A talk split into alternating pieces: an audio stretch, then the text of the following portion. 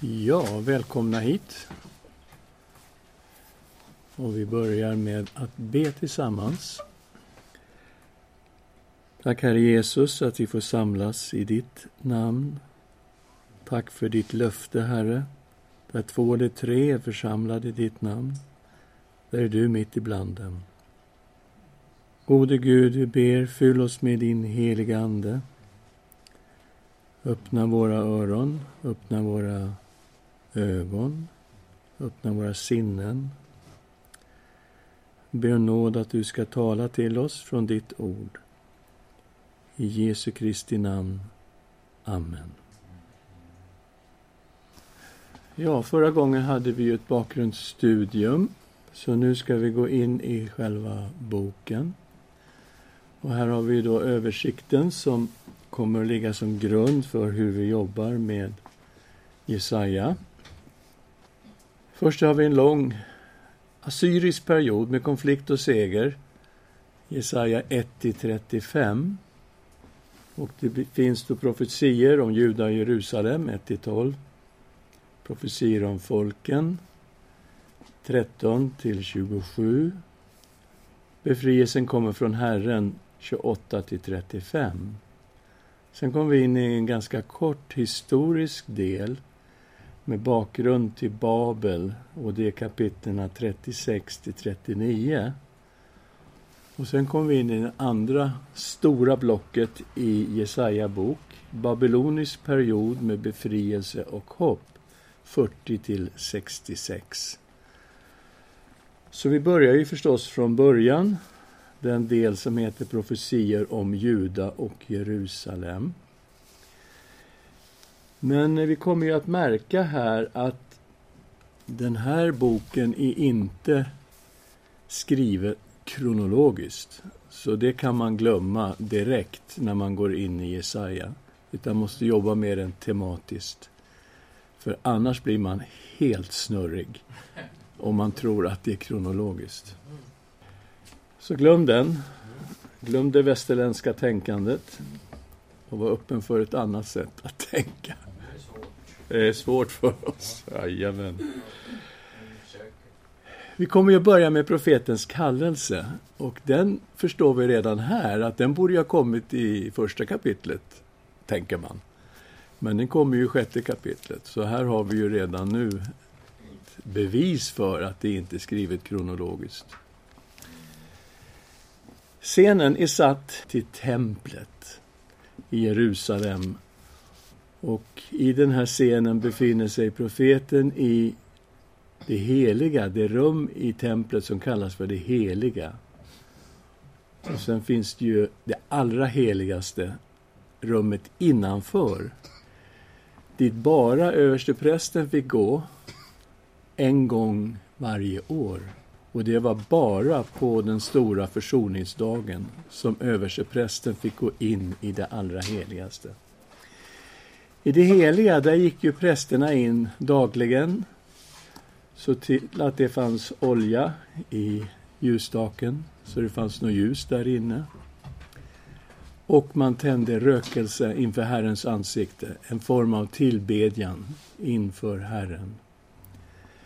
Där fanns också ett bord med skådebröd och det var ett bröd för varje stam i Israel, så det fanns tolv bröd och det byttes ut varje vecka. Och utanför det här fanns ju då förgården och på förgården stod offeraltaret och bäckenet, ett sorts stor kar som man kunde, prästen måste tvätta sig innan han gick in i templet. Och det här är ju väldigt snyggt utlagt i Hebreerbrevet 9.1-7 där det finns en snygg sammanfattning av hur det såg ut. Så, vi kommer nu till det sjätte kapitlet. Och scenen är satt till templet. Och vi förstår när den här uppenbarelsen kommer.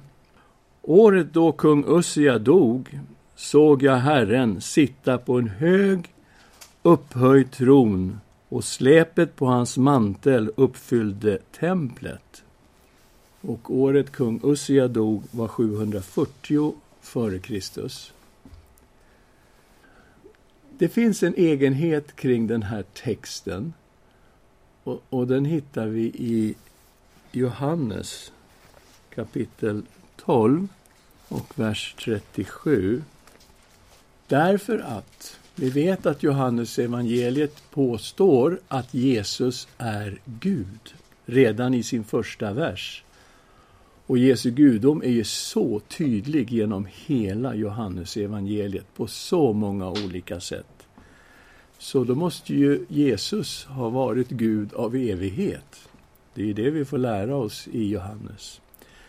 Och vi ska läsa här i kapitel 12 Johannes, vers 37.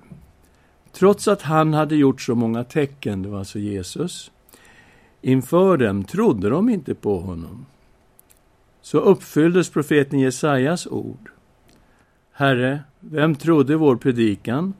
Och för vem blev Herrens arm uppenbarad? Det är Jesaja 53 här, vers 1. Alltså kunde de inte tro, för Jesaja har också sagt Han har förblindat deras ögon och förhärdat deras hjärta så att de inte ser med sina ögon och förstår med sitt hjärta och vänder om och blir helade av mig. Så sa Jesaja, därför att han såg hans härlighet och talade om honom. Men vem är han och honom i den här versen? Det är ju Jesus. Och det innebär att när vi nu kommer in i den här scenen och Herren som sitter på en upphöjd tron, Johannes påstår att det här är Guds son, den andra personen i gudomen som Jesaja ser. Fast vi ser ju också här att det är Herren och det är Adonai i första versen, men sen kommer Jahve. Så Jesu gudom blir ju då otroligt stark genom vad Johannes säger i sitt tolfte kapitel. Så scenen är satt här till templet. Och vi läser vers 1 till 7. Året då kung Ussia dog såg jag Herren sitta på en hög och upphöjd tron och släpet på hans mantel uppfyllde templet. Serafer stod ovanför honom. Var och en hade sex vingar. Med två täckte de sina ansikten, med två täckte de sina fötter och med två flög de. Den ene ropade till den andre. Helig, helig, helig är Herren Sebaot. Hela jorden är full av hans härlighet. Rösten från den som ropade fick dörrposterna och trösklarna att skaka och huset uppfylldes av rök. Då sa jag, ve mig, jag förgås. Jag är en man med orena läppar och jag bor ibland ett folk med orena läppar och mina ögon har sett konungen, Herren Sebaot. Ja, så scenen är här i templet. Normalt sett så var ju det allra heligaste helt dolt när man var inne i det heliga, för det fanns ju en förlåt. En sorts kraftigt draperi som liksom täckte vägen in till det allra heligaste. Men här är ju förlåten borta. Det finns ett rökelsealtare här, förstår vi lite senare. Så vi är i det heliga i det rummet. Inne i det allra heligaste så stod ju arken som en låda överdragen med guld. Och det fanns två keruber som överskuggade nådastolen som var då locket till den här arken. I den här arken fanns de tio budorden, Arons stav, lite manna. Men framför allt fanns ju de tio budorden. Och det var ju det som var grunden till förbundet mellan Israel och Gud. Och tanken är då att Gud tronade på keruberna. Han var på den här tronen. Och när Gud uppfyllde då templet, det allra heligaste, då är det här som Gud finns.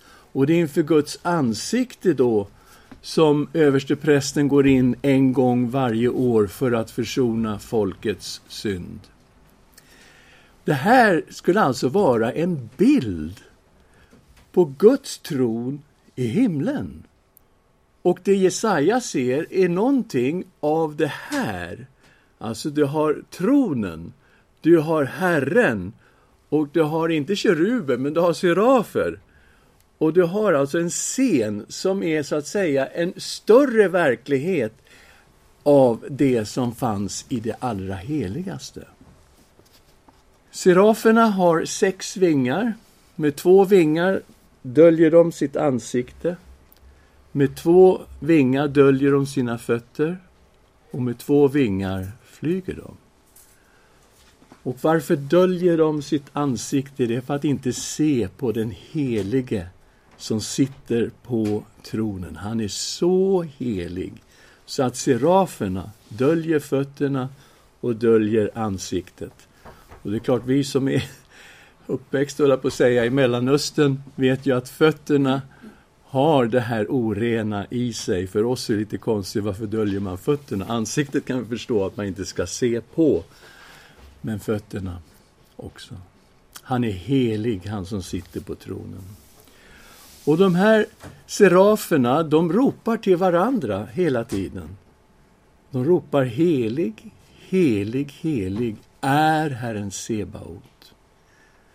Hela jorden är full av hans härlighet. Och det här är en proklamation som är sann idag när vi sitter här. Gud, han som sitter på tronen, är helig och hela jorden är full av hans härlighet. Om jag inte ser det, då beror det inte på att hela jorden inte är full av hans härlighet, utan det beror på att jag inte ser hans härlighet som finns överallt. Därför att den Gud som vi tror på, han är den allestädes närvarande guden. Och var vi än befinner oss på jorden så är Gud där och hela jorden är full av hans härlighet. Och vi kommer se här när vi kommer längre in i kapitlet att det här är ju nycklarna till att förstå Jesaja bok som vi kommer in i. Detta med att se, höra och förstå, ha insikt. Och Jesaja upplever sin synd inför den Helige. Han förstår det här är omöjligt. Jag är en man med orena läppar. Jag bor ibland ett folk med orena läppar. Och mina ögon har sett kungen, Herren Sebaot. Och i Andra Mosebok 33, 18-20, så vet vi att Mose var ju uppe på berget för att be för Israels folk. Och Gud hörde hans bön. Och då säger Mose, låt mig alltså se din härlighet. Och Gud säger, du ska få se den, men du kan inte se mitt ansikte. För ingen människa kan se mig och leva. Men han skulle få se honom så att säga bakifrån. Och det var ju en uppenbarelse som förvandlade Mose. Härligheten kom ju över Mose. Och när han kommer ner från berget så strålar han av härligheten. Så till den milda grad att folk blir rädda och springer ifrån honom. Och han hänger ett täckelse för sitt ansikte för att de inte ska bli rädda när han talar till dem vad Gud har sagt till honom. Så, här har vi detta. Jag har sett kungen. Ve mig, jag förgås. Och då kommer en seraf flygande. Ja, vi ska säga det också att när de talade, seraferna, ropade proklamationen om den helige, så skakar ju dörrposterna till templet. Och hela huset fylls av rök och vi förstår att det är rökelse det handlar om. Den som prästen tände varje dag inför Herren. Så rökelsen uppfyller hela templet. Och vi har också sagt tidigare, kanske Jesaja var präst. För om det här inte bara är en syn, utan det är någonting mer, en sorts verklighet, då kan han ha varit präst, för ingen annan än prästen fick ju gå in i det heliga. Då flög en av seraferna fram till mig. I hans hand var ett glödande kol som han hade tagit från altaret med en tång. Med den rörde han vid min mun och sa När detta har rört vid dina läppar är din skuld borttagen och din synd försonad. Så här händer någonting som gör att Jesaja helt plötsligt kan se på den helige som sitter på tronen. Han kan höra hans ord. Och han förstår vad han säger. Och det här är nyckeln nu för att förstå Jesaja bok. Nämligen att se, höra och förstå. Men han behövde bli försonad av Gud och få sin synd förlåten för att det här överhuvudtaget skulle vara möjligt. Och när vi översätter det då till Johannes som säger att det här är Kristus som sitter på tronen. Och då vet vi att det är hans blod som renar oss ifrån all synd och som gör att vi kan ha en direkt kontakt med Gud och se, höra och förstå. I åttonde versen har vi en väldigt generell kallelse. Och det är viktigt att se att den är generell. Och jag hörde Herrens röst. Han sa, Vem ska jag sända? Och vem vill vara vår budbärare? Då sa jag, här är jag, sänd mig. En väldigt generell kallelse som jag tror vi kan låta vara generell och rikta den till var och en av oss som är här och till alla i Guds folk. Vem ska jag sända och vem vill vara vår budbärare? Så även om frågan är generell är svaret väldigt personligt. Här är jag. Sänd mig. Så kommer den kallelse som på ett fantastiskt sätt ger nycklarna till den här boken. Det är hela Jesajas uppdrag ligger här. Till och med hela resultatet av hans tjänst ligger här. Och vi kommer till nionde versen. Han sa, gå och säg till detta folk. Ni ska höra och höra, men inte förstå. Ni ska se och se, men inte fatta. Förhärda detta folks hjärta. Gör deras öron döva och deras ögon blinda, så att de inte ser med sina ögon eller hör med sina öron eller förstår med sitt hjärta och vänder om och blir botade. Här är ju en svår text. Han får alltså veta att han har ett budskap, han kommer få det från Herren. Hans uppdrag är att predika och predika det så tydligt som Gud har gett det. Han ska förmedla dessa profetier och syner. Men han vet att folket han talar till kommer inte att höra, kommer inte att se, kommer inte att förstå, utan kommer att ha förhärdade hjärtan. Hade Jesaja den här auktoriteten eller möjligheten att han kunde förhärda människors hjärtan själv?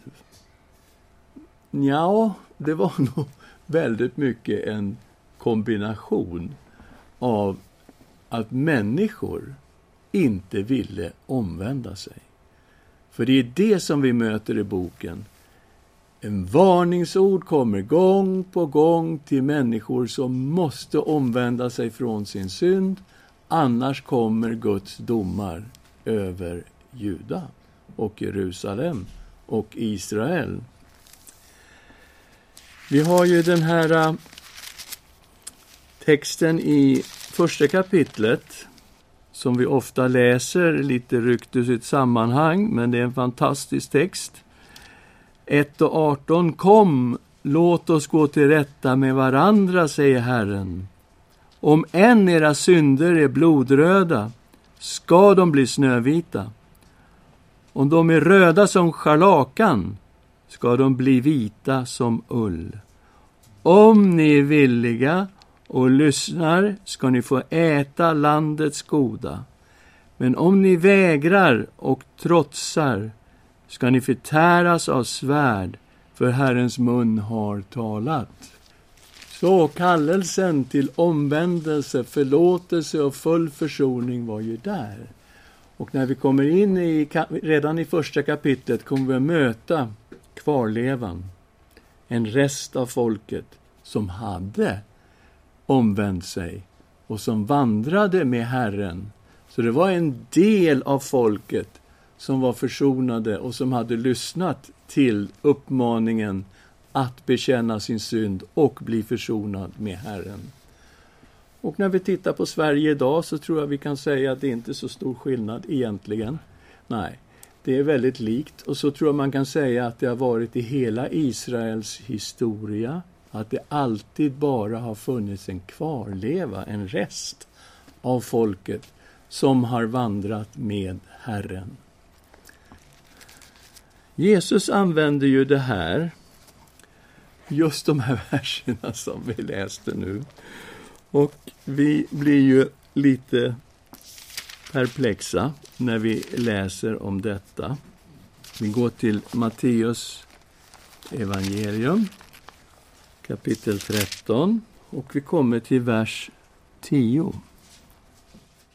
Lärjungarna kom fram och frågade Jesus varför talar du till dem i liknelser? Han svarade dem, ni har fått lära känna himmelrikets hemligheter, men det har inte fått det. Den som har ska få och det är överflöd. Men den som inte har ska bli fråntagen också det han har. Därför talar jag till dem i liknelser. För att de ser utan att se och hör utan att höra eller förstå. För dem uppfylls Jesajas profetia. Ni ska höra och höra, men inte förstå. Och ni ska se och se, men inte se. För detta folks hjärta är förhärdat. Det hör illa med sina öron och de sluter sina ögon så att de inte ser med sina ögon eller hör med sina öron eller förstår med sitt hjärta och vänder om så att jag får bota dem. Men saliga är era ögon som ser och era öron som hör. Jag säger er sanningen. Många profeter och rättfärdiga längtade efter att få se det ni ser, men fick inte se det, och höra det ni hör, men fick inte höra det. Ja, så här förklarar Jesus för lärjungarna varför han talar till dem i liknelser. Och det har med detta att göra. Att se, men ändå inte se. Att höra, men ändå inte höra och inte förstå. Och det handlar om förhärdade hjärtan som inte kan ta emot vad Gud säger. Medan lärjungarna då betraktas i det här sammanhanget som kvarlevan, en troende grupp som vandrade med Jesus och som hade fått sig givet att lära känna himmelrikets hemligheter. Och de fick alltså se saker som till och med profeter och rättfärdiga män längtade efter att få se.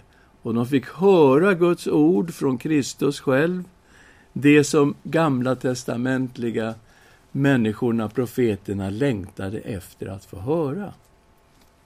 Det här är ju någonting som är ganska märkligt. Han talar alltså till dem med liknelser, sen förklarar han liknelsen för lärjungarna i efterhand.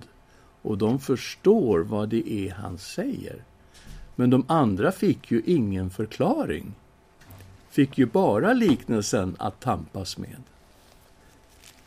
Och poängerna i liknelserna är ju ibland väldigt tydliga, det måste vi ändå säga. Vi tar en annan text från Jesus som inte gör det här lättare, men som ändå kastar ljus över det vi talar om nu. Det är Matteus 11, 25. Vid den tiden sa Jesus, jag prisar dig, Far, himmelens och jordens Herre, för att du har dolt detta för de visa och kloka och uppenbarat det för de små. Ja, far, så var din goda vilja. Okej. Okay. Det är inte en vanlig bön vi hör i Husbykyrkan. Att någon prisar Gud för att han har dolt sanningen för den här gruppen människor. Men det gör Jesus. Han prisar Fadern, himmelens och jordens Herre, för att han har dolt detta för de visa och kloka. Och det var alltså fariseerna, det var de laglärda, det var prästerskapet, det var människor som visste väldigt mycket om Gamla testamentet, men de såg inget behov av Jesus. De hade alltså stängt sina hjärtan för Jesus. Och sanningen var dold för dem. De såg mirakel, men de såg ingenting. De hörde hans undervisning, men det var som de fattade ingenting. Deras hjärtan var förhärdade. Men så prisade Jesus Fadern för att han hade uppenbarat det här för de som var som små barn. Vanliga människor.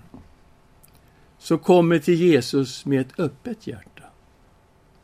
Och säger Jesus, vi behöver dig. Våra hjärtan är öppna för dig. Vi vill att du undervisar oss om Guds rike. Vi vill att du lär oss att be.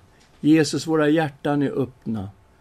För dem blev sanningen uppenbarad. Sanningen om Gud. Allt har min far överlämnat till mig och ingen känner sonen utom fadern, inte heller känner någon fadern utom sonen och den som sonen vill uppenbara honom för. Så bara fadern kände sonen, han kände honom väldigt bra. Men det var också bara sonen som kände fadern. Och några till. Här har vi kvarlevan igen. De som sonen uppenbarar honom för. Så det är alltså Jesus som uppenbarar Gud för människor. Så vart går man då om man vill lära känna Gud? Ja, då ska man gå till Jesus och man ska gå till Jesus med ett öppet hjärta. Det är därför texten fortsätter så här. Kom till mig, alla ni som arbetar och är tyngda av bördor, så ska jag ge er vila. Ta på er mitt ok och lär av mig, för jag är mild och ödmjuk i hjärtat. Då ska ni finna ro för era själar, för mitt ok är milt och min börda är lätt. Om du kommer till Jesus och ditt hjärta är öppet, då kommer du att få möta Gud i Jesus Kristus. Och det är Kristus som uppenbarar Gud för oss människor.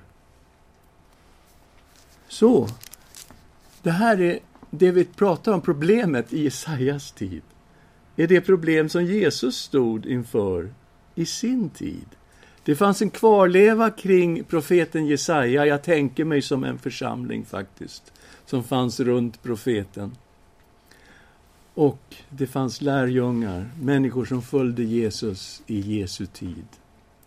Och det här med kvarlevan är ju någonting som Paulus sen för in i Nya testamentet.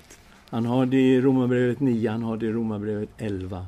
Han talar om kvarlevan som fanns just på Jesajas tid i Romarbrevet 9 och kvarlevan som fanns på Elias tid i Romarbrevet 11. De här 7000 män som inte hade böjt knä för Baal. Och han säger det är likadant idag. Och då menar han sig själv. Och han menar de judar som fanns i hans generation som hade förstått vem Jesus var. Att det var han som var Messias, Guds son och som blev lärjungar till Jesus.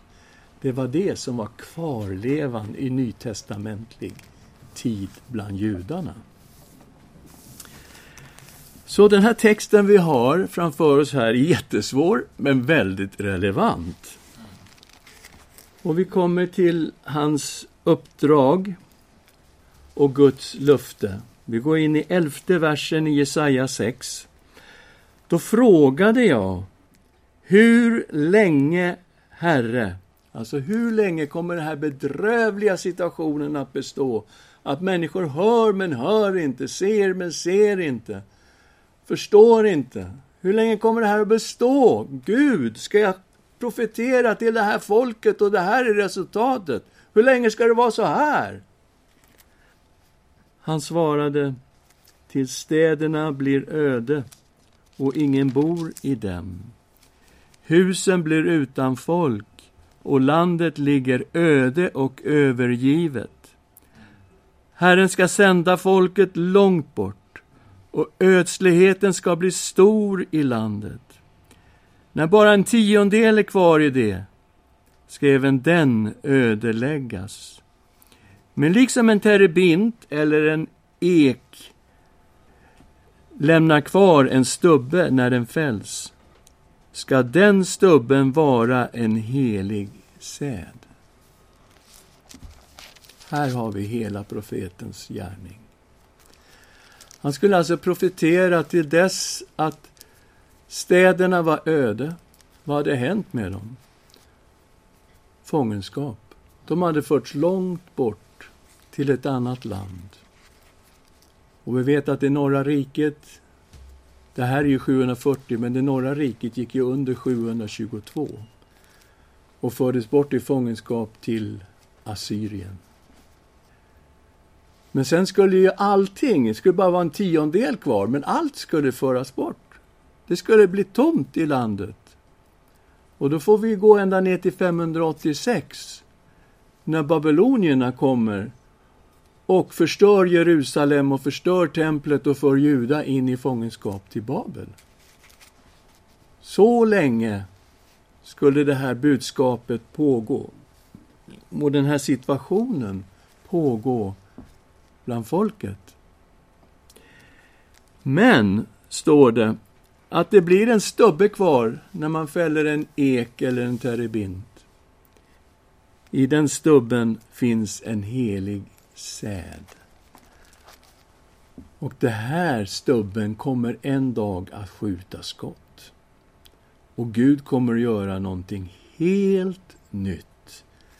Med det här folket, för det här landet, för den här staden, men också någonting helt nytt som spränger alla gränser som någon, någonsin har sagts eller tänkts av människor när vi börjar titta in på de messianska profetiorna. Det sträcker sig ända in emot Jesus. Och vi har de här fantastiska profetiorna.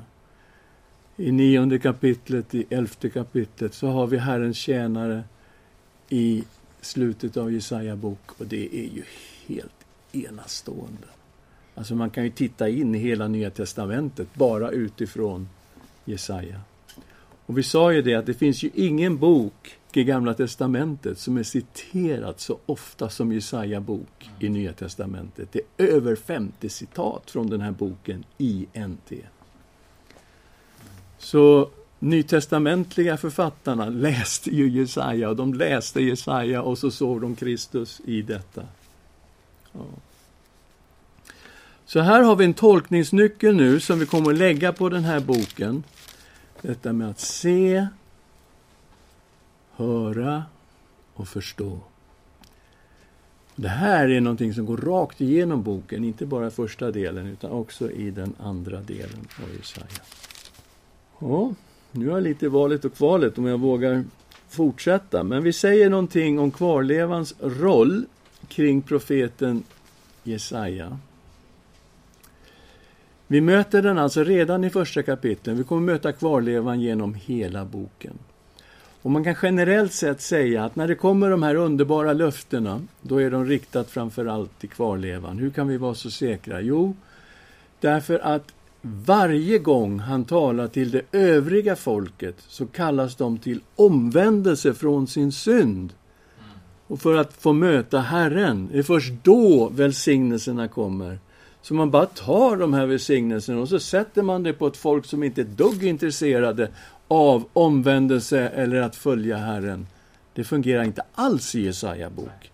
Så då kan vi vara rätt säkra på att även där det inte är särskilt tydligt utsatt så är det kvarlevan som får löftena om vad Gud ska göra med dem, de som följer Herren, tror på honom, lyssnar på profeten. Och jag tänker mig en grupp människor runt profeten Jesaja. Och författarfrågan kommer ju in i den här diskussionen. En del avsnitt tycks vara skrivna av Jesaja, till exempel det vi läste nu, Jesaja 6. Jag såg Herren. Jag menar, han talar i jag-form. Men det finns andra avsnitt i boken som kanske inte alls är skrivna av Jesaja. Men jag tror de här profetiorna uttalas alltså inte i ett vakuum, utan de uttalas i en gemenskap av troende människor. Så om de har hållit i pennan, den här kvarlevan, det är fullt möjligt att det är de som håller i pennan. Det har vi också sagt när det gäller de andra profeterna, där vi också har sett kvarlevan hos de andra profeterna vi har studerat att det är mycket troligt att det finns i den här gruppen som lyssnar på profeten, att det finns någon där som skriver ner dessa profetior.